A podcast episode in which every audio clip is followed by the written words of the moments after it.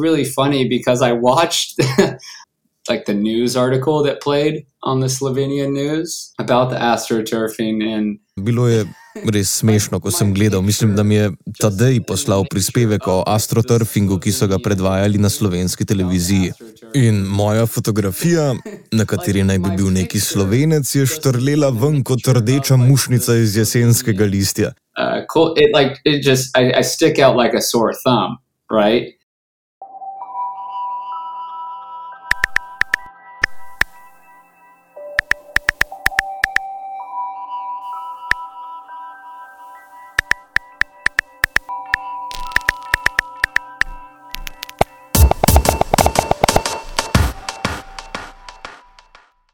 Poslušate pod črto podcast. In to je naša prva, uf, imamo kaj trime, prva podcast serija v več epizodah. Pridružite se nam torej v spirali lažnih realnosti.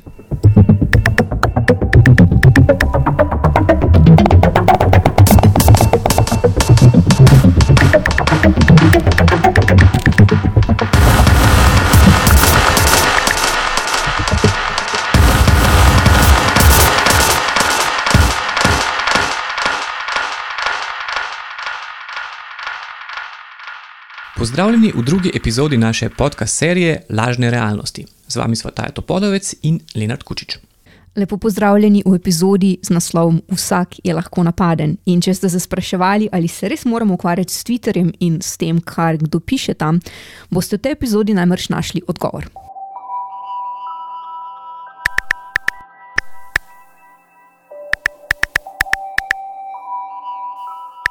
Slišimo Fletcherja Barnesa z Floride. V prvi epizodi naše serije je izvedel, da ima v Sloveniji svojega zlobnega dvojnika. Ta je uporabljal njegove fotografije in se na Facebooku in Twitterju predstavljal kot Boštjan Šeruga. I showed my family uh, that clip. Res je bilo smešno, ker ko sem pokazal posnetek svoji družini, so dol padli od smeha, ker je bilo, no, se morda je v meni kakega pol odstotka slovenca, če bi šel delati test DNK. Ampak čisto noro, da so izmed vseh fotografij izbrali prav tisto, ki je najbrž najslabša možna izbira, tista s surfom. They chose to use because it's it's probably the worst picture possible for them to use. Dobro leto nazaj smo objavili prvi članek o astroturfingu in sicer natančneje o lažnih profilih na Twitterju, ki napadajo kritike vlade in stranke SDS. Našo preiskavo je takrat povzelo več medijev, med drugim tudi oddaja Svet na kanalu A. Ali veste, kaj je tako imenovani astroturfing? Družbena omrežja so postala močno orožje za kreiranje družbenega mnenja, sploh pri mladih, ki jih politične. In ta prispevek je videl Fletcher Barnes. Povezavo do objavljenega prispevka mu je poslal Tadej Štrok iz Danes in dan. V sodelovanju s Tadejem Štrokom in Filipom Dobraničem z inštituta Danes in dan smo za pripravo te teme več mesecev zajemali in analizirali objave na Twitterju in pri tem identificirali več deset lažnih profilov. Uh, Zdravo, jaz sem Filip iz Danes in nov dan, odgovoren za hekanje in srčke, pa to je po mojem dovolj, ali ni? Uh, zdravo, ja, jaz sem pa Tadej, danes je nov dan. Um, jaz skrbim za produktno načrtovanje, recimo temu tako, uh, ampak se ukvarjam tudi z drugimi zadevami, recimo kot je bila ta astroturfing zadeva. Ja, jaz sem bil uh, odgovoren za vse, kar je imelo veze z računalniki, za hranjenje podatkov, zbiranje, analiziranje, kopiranje in tako dalje. Tadej bo pa sicer sam povedal, ampak on je pa uh, moral opravljati konceptualno delo, pa veliko krat tudi mukotrpno delo pregledovanja vseh teh tweetov na roke. Ja, um, jaz sem nekako bil tudi pobudnik uh, tega projekta, ker mogoče tudi največ časa preživljam na Twitterju od nas. Tadej je bil torej tisti, ki je Fletcherja Barnesa opozoril na njegovega dvojnika v Sloveniji, oziroma na zlobnega dvojčka.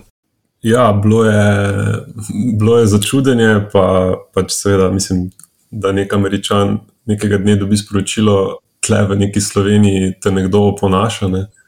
Je seveda bilo začudenje, pa jeza, ne, pa ne vem, kaj se zdaj to dogaja. Ne. Zanimalo nas je, kaj jo je pri tem projektu najbolj presenetilo. Ja, mene je presenetilo mogoče to, da sem nekako naivno mislil, da bo zadeva bolj enostavna. Da jaz sem nekako mislil, ok, če se lotimo tega tako profesionalno z, um, z podatkovno analizo na nek proper način, da bomo pač kar dobili te lažnive profile, da jih bomo pač detektirali. Uh, Potem se je to izkazalo, da je v bistvu dosti bolj mukotrpno oziroma skoraj ne mogoče početi. Jaz sem se drugače še eno stvar spomnil, če lahko dodam. Um, pač kar je bila res uh, meni hecna izkušnja, mislim, hecna. Um, kadarkoli sem se spravil to delati in je bilo treba krolati čez uh, te tvite, pa se bo tedaj povedal, da sem mu vedno pač pošiljal primere. Jaz sem bil res šokiran, kako slabo je to. Pa pač videl sem veliko stvari v življenju, ampak res, čisto vsakič sem prav moral ventati. No? Tako da pač res je slabo, no? tudi vsi, ki niso tega prebrali, res, res, res je bilo slabo. Pa ne znam niti opisati, pač ne vem, podlo, hrbtno, tako otoročje, tam najslabše, res, res. Pač, tak, mislim, moja babica bi rekla, ne veš, da bi se smejal ali bi se jokal, ampak pač sam jokal bi se. No, to je zato, Filip, ker eh, mogoče nisi toliko uh, na Twitterju, pa mogoče nisi navaden toliko tega diskurza, ampak res ja, se strinjam, uh, da pač res je grozno na trenutke, nizkotno um, in pač nevredno. No, um, Tweetov, ki jih je bilo treba analizirati, je bilo res veliko. In kako smo se tega lotili, razloži Anžel Boščic, avtor preiskovalnih člankov o astroturfingu na počrto.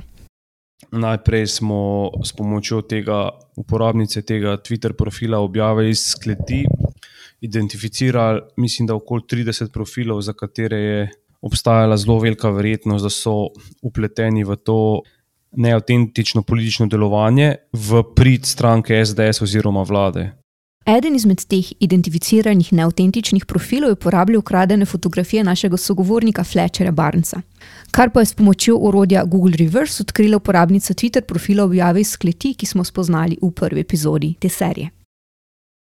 Ti profili so imeli v bistvu kot profilno sliko ali ukradeno sliko nekoga drugega, ali sliko tako imenovano stock fotografijo, ali pa celo strojno generirano fotografijo obenem so pa v bistvu veliko večino tweetov objavile v prid stranki SDS oziroma vladi, oziroma napadale in kritizirale nasprotnike um, in kritike vlade oziroma stranke SDS. V drugi fazi smo pogledali, kateri profili sledijo vsaj delu tem približno 30 profilom, ki smo jih postavili kot lažne, zaradi teh karakteristik, ki sem jih prej omenil, in smo dobili neko vzorec, mislim, da če se prav spomnim, 500 profilov, ki so sledili vsaj delu tem prvotnim profilom, 30 profilom. Potem v drugem koraku smo pa se osredotočili na sedem napadov na posameznike, ki so bili kritični do stranke SDS oziroma vlade. V analizi smo zajeli dejavnost vzorca 307 profilov v obdobju šestih dni po začetku posameznega napada. Ti napadi, ki smo jih zajeli, pa so se zgodili v prvi etapi epidemije COVID-19 med pomladjo in jesenjo leta 2020.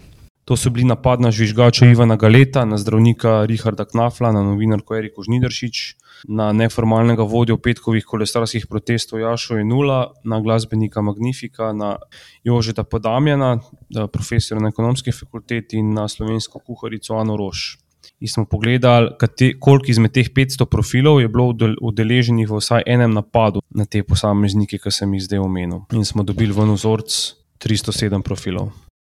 V naši analizi sedmih napadov je bil Twitter napad na žvižgača Ivana Galeta eden izmed najintenzivnejših in tudi kronološko prvi. Ivan Gale je nekdani visoki uslužbenec na Zavodu za blagovne rezerve.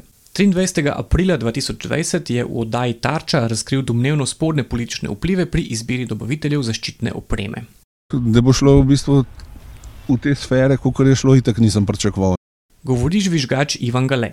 Moje javno pojavljanje takrat na Tarči je bilo čisto spontano. Ne? Jaz sem bil v eno uro pa pol pred oddajo klican strani Erike, uh, če bi prišel v oddajo, ker je počival še kot povedal deležbo ker eh, prej smo posneli tam v kleti RTV ja nek prispevek, sem imel celo nek zamegljen obraz. Tudi ljudem ni bilo pol jasno, ali sta to dva različna uslužbenca zavoda, ne, ker ni bilo logično, da se tam vem, skriva, ne, potem pa nastopi ta ista oseba pred kamerami v živo. Ne. Takrat sem se pač kar na hitro odločil, poklical in šel tja. No. Je bilo, seveda zadržek oziroma strah, ne vem, prvič neki na javni televiziji. Ampak proti tistemu, kar se je dogajalo prej, je bilo to malo. No.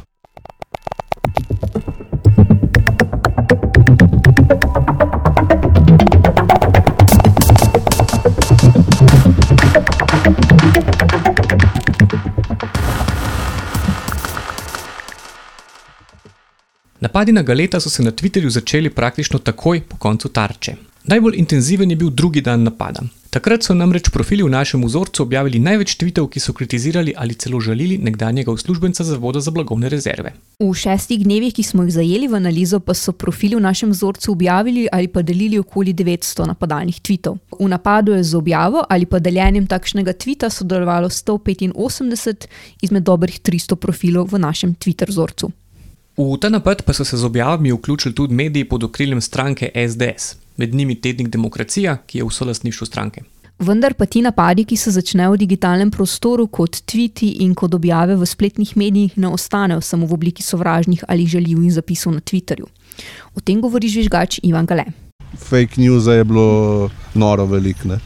Potem je to šlo čisto na nivo direktnih groženj, ne vem, v nabi, poštni nabiralnik ali za brisalce avtomobile zataknjeno. Bile, bile so neke grožne smrti, pa to nekaj primerov sem na začetku predal policiji, uh, so bili tudi pri meni v stanovanju, smo to podpisali.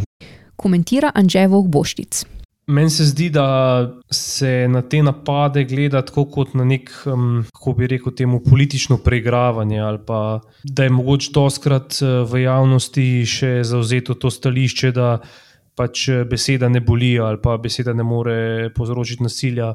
Pa tudi mogoče stališče, da ja, če se zdaj ti glih neposredno ne vključiš v nek politični boj z drugo stranjo, da ne boš deležen teh napadov. In jaz uh, mogoče bi rad, da javnost uh, skozi to preiskavo spozna, da to v bistvu ni res. V naši analizi sedmih napadov je bil napad proti Galetu torej eden izmed najbolj intenzivnih. Več napadalnih tvitev je bilo objavljenih samo še v primeru napada na dr. Richarda Knafla.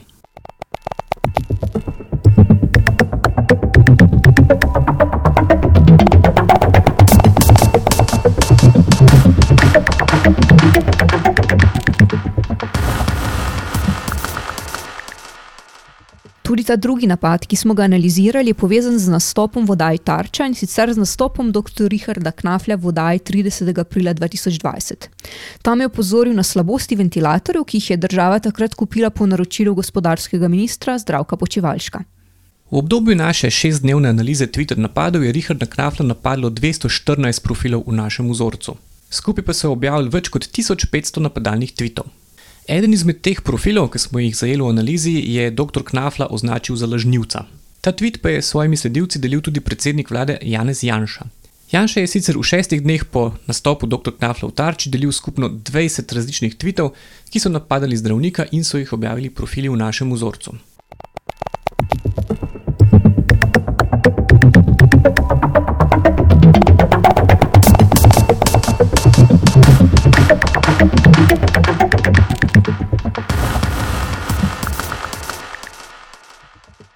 Sporedno z napadom na dr. Knaflja pa je potekal tudi napad na voditeljico oddaje Tarče, novinarko Eriko Žnideršič.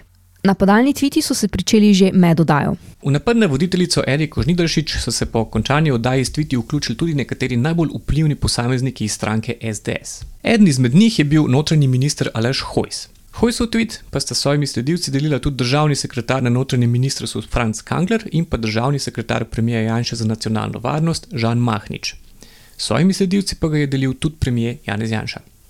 Erika Žnideršič je v odzivu za počrto zapisala, da je napade na družabnih omrežjih že sprejela kot vsakdanji del njenega poklica.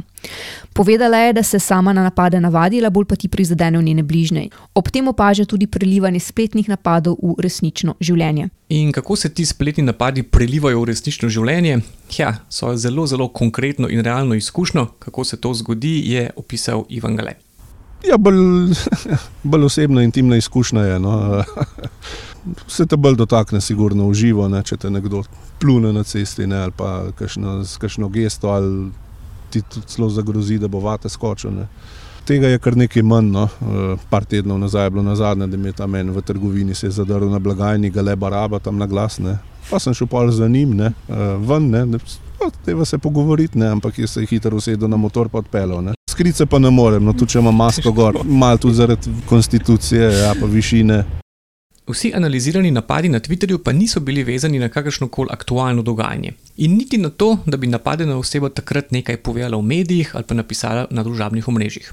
Govori Anže Vogboštic. Kot pokažejo ti napadi, recimo napadi na Magnifika ali pa na Anorošo, v konkretnem primeru, oni v bistvu se niso vključili v nek uh, politični boj proti Anči, ampak so bili vseeno deležni teh napadov zaradi pač izražanj lastnih mnen. Ne? V primeru Magnifika celo to mnenje sploh ni bilo politično, ampak je govoril v neki oddaji o značilnosti slovenske glasbe in je zaradi tega bil deležen napada štiri leta potem, ko je ta oddaja bila predvajana. Tako da vsak, vsakdo je lahko deležen tega pritiska, tega napada, ki pač ni po volji tej mreži Twitter profilov, ki smo analizirali. Ne. Objavljen tweet je torej sprožil napad na Magnifika in sicer zaradi nečesa, kar je izjavil precej let prej. Šlo je za kratek video izsek iz oddaje televizije Al Jazeera Balkans, v tej oddaji pa naj bi se Magnifiko po mnenju napadalcev norčeval iz slovenske narodno-zabavne glasbe. To oddajo je Al Jazeera predvajala že leta 2016 ti napadi niso tako nedolžni, kot mogoče izgledajo. Zato, ker imajo pač dosti dve skrbujoči dimenziji. Prva je ta relativizacija informacije, v smislu, če nekdo objavi neko kritiko, je potem namen teh napadov in študije kažejo, da so lahko pri tem dosti uspešni.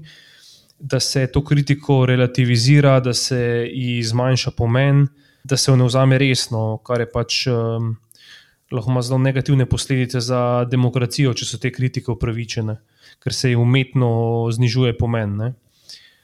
Pred objavo člankov iz preiskave smo stranki SDS poslali vprašanje, če so na kakršen koli način upleteni v politični astroturfing. Odgovora nismo dobili.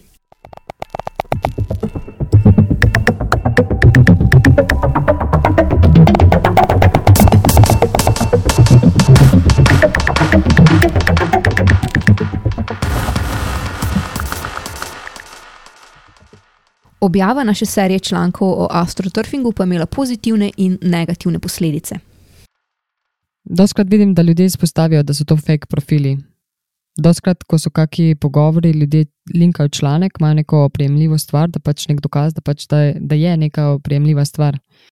Slišite besede uporabnice Twitter profila objave iz kleti, ki smo jo spoznali v prvi epizodi te podcast serije. Zaradi zagotavljanja njene anonimnosti, na podlagi zapisov naših pogovorov, njene besede interpretira igralka Maruša Majer. Vidim, da se na drugih straneh, ne samo na Twitterju, se to razširilo, da ljudje pač bolj opozarjajo na to, da to niso nujno neki resnični ljudje, pa neka resnično razširjena mnenja. To kot negativno, pa mislim, so. Ni zdaj fejs grozno, pa so se ljudje malo bolj mogoče po tistem prvem članku obesili na moje objave in me malo bolj pogosto skušali diskreditirati. Čeprav mislim, ni pa mene zdaj nekaj to zelo prizadelo. Jaz osebno nisem nekih ful posledic čutila, mislim, da so jih bolj pri DND, ko so bili z obrazi izpostavljeni. Kolikor sem jaz zasledila, so bolj njih, ko so njihove osebne podatke zapisali. Tako da mislim, da sem bila mal skrita skoraj pred temi napadi, ampak so bili neki ti od rumenih jopičev, ampak nič ta, takega zelo. Glavni rumeni jopič zdaj tudi, ko ima nov profil, Ponavadi mi vedno piše, da ve, kdo smo in da nas bo tožil, še vedno so prazne grožnje. Edina stvar je, da zdaj ve, da sem ena oseba in da sem ženska. Kaj se je torej zgodilo z osebnimi podatki članov inštituta danes in v dan? Govori Filip Dobranič, Torej, eh, nekdo je šel in najverjetneje v iPad ali kje podobno, vtipkal vsa imena, ki jih je našel na danes in dan.si, dobil, da imajo nekateri ljudje SPE, skopiral te naslove in rekel, ti ljudje so tam doma. In zdaj za več kot pol ljudi je zadev. To se je zgodilo in potem smo pač mi to začeli prijavljati. No, ampak kar se mi zdi tukaj pomembno, je to, da pač tudi v takih situacijah Twitter ne omogoča neke resne zaščite uporabnikom. No, pač če ne bi mi mogli napisati, mi smo danes in nov dan, gledajte, pač obstajamo, imamo neko spletno prezenco, ki je večja od Facebook profila, um, bi pač to ostalo na internetu. Tele, Družbene posledice takega početja pa komentira Anželov Boščic ti napadi nekako zbujajo tudi morda občutek, da tisto, kar včasih ni bilo ok, ni bilo dobro, ni bilo družbeno sprejemljivo, da zdaj je družbeno sprejemljivo. Ne? Ker obmetavanje z takimi uh, žaljivkami, razkrivanje osebnih podatkov v teh napadih, uh, pritiski na družino. To se z tem, ko so ti napadi vedno bolj pogosti, se tako obnašanje v družbi dela vedno bolj sprejemljivo. Najprej na spletu, pol pa tudi v resničnem življenju, in s tem se nekako normalizira neke ekstreme, kar je pa na dolgi rok zelo slabo za celo družbo, se mi zdi.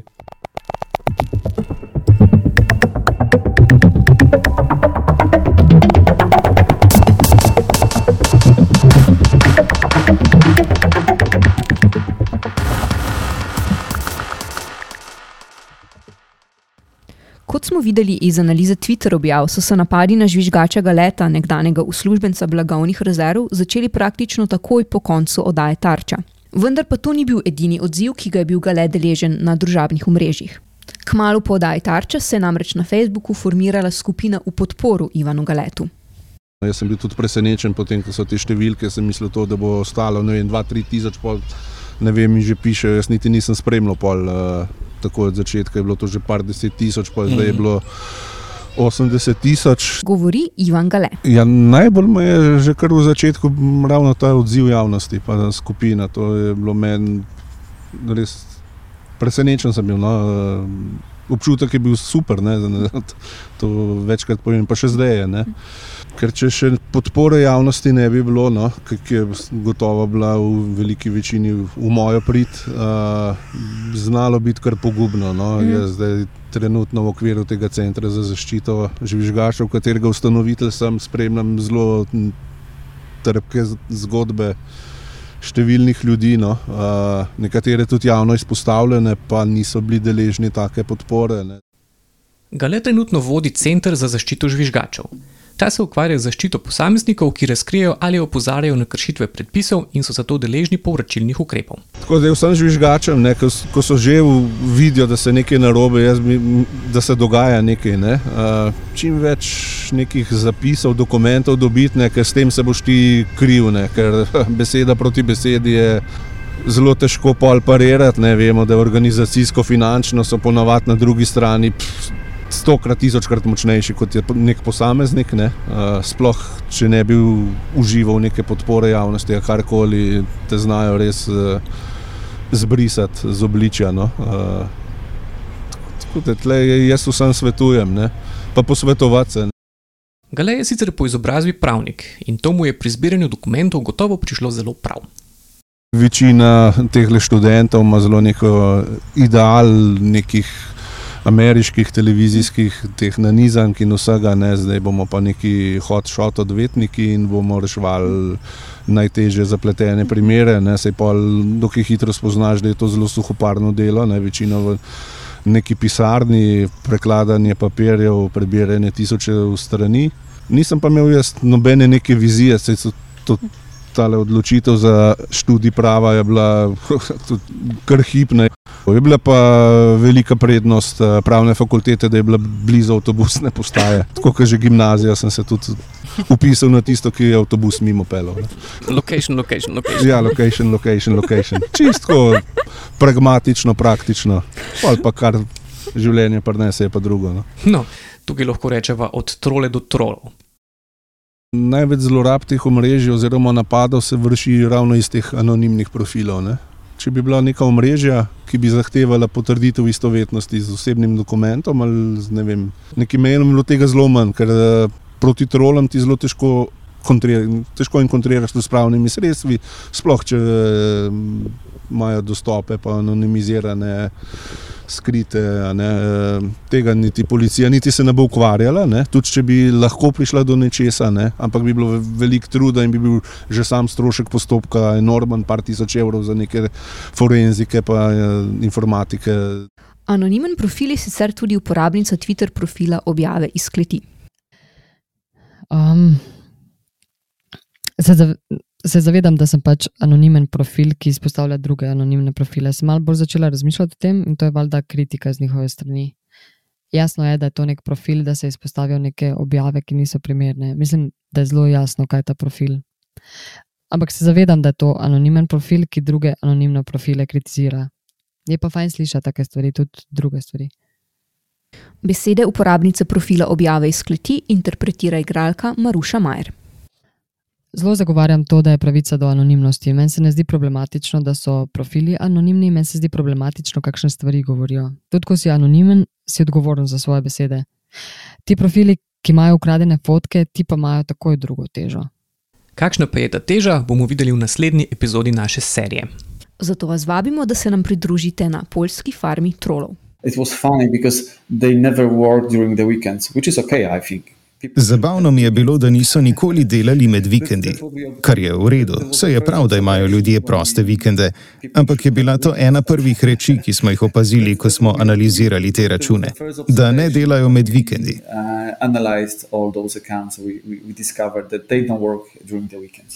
To, kar slišite, je že napoved tretje epizode naše serije o lažnih realnostih. Vabljeni k poslušanju.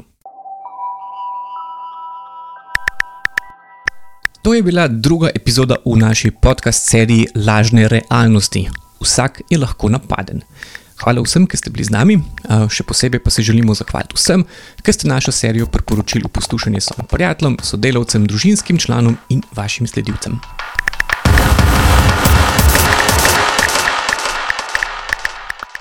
V drugi epizodi naše podcast serije Lažne realnosti so bila z vami Taja Topolovec in Leonard Kučič.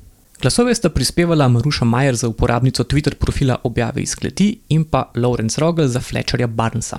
Scenarij za epizodo sem pripravila Taja Topolovec, intervjuje sva naredila Leonard Kučič in Taja Topolovec. Podatki so iz preiskave o astroturfingu na podčrto. Avtor člankov je Anže Vogpoštic, pri zajemu in analizi podatkov pa smo sodelovali z inštitutom Danes je nov dan. Za snemanje in montažo sem poskrbel Leonard Kučič, za zvok in glasbeno podlago pa je poskrbel Milan Fras. Izvršna producentka počrto podcasta sem Taja Topolovec.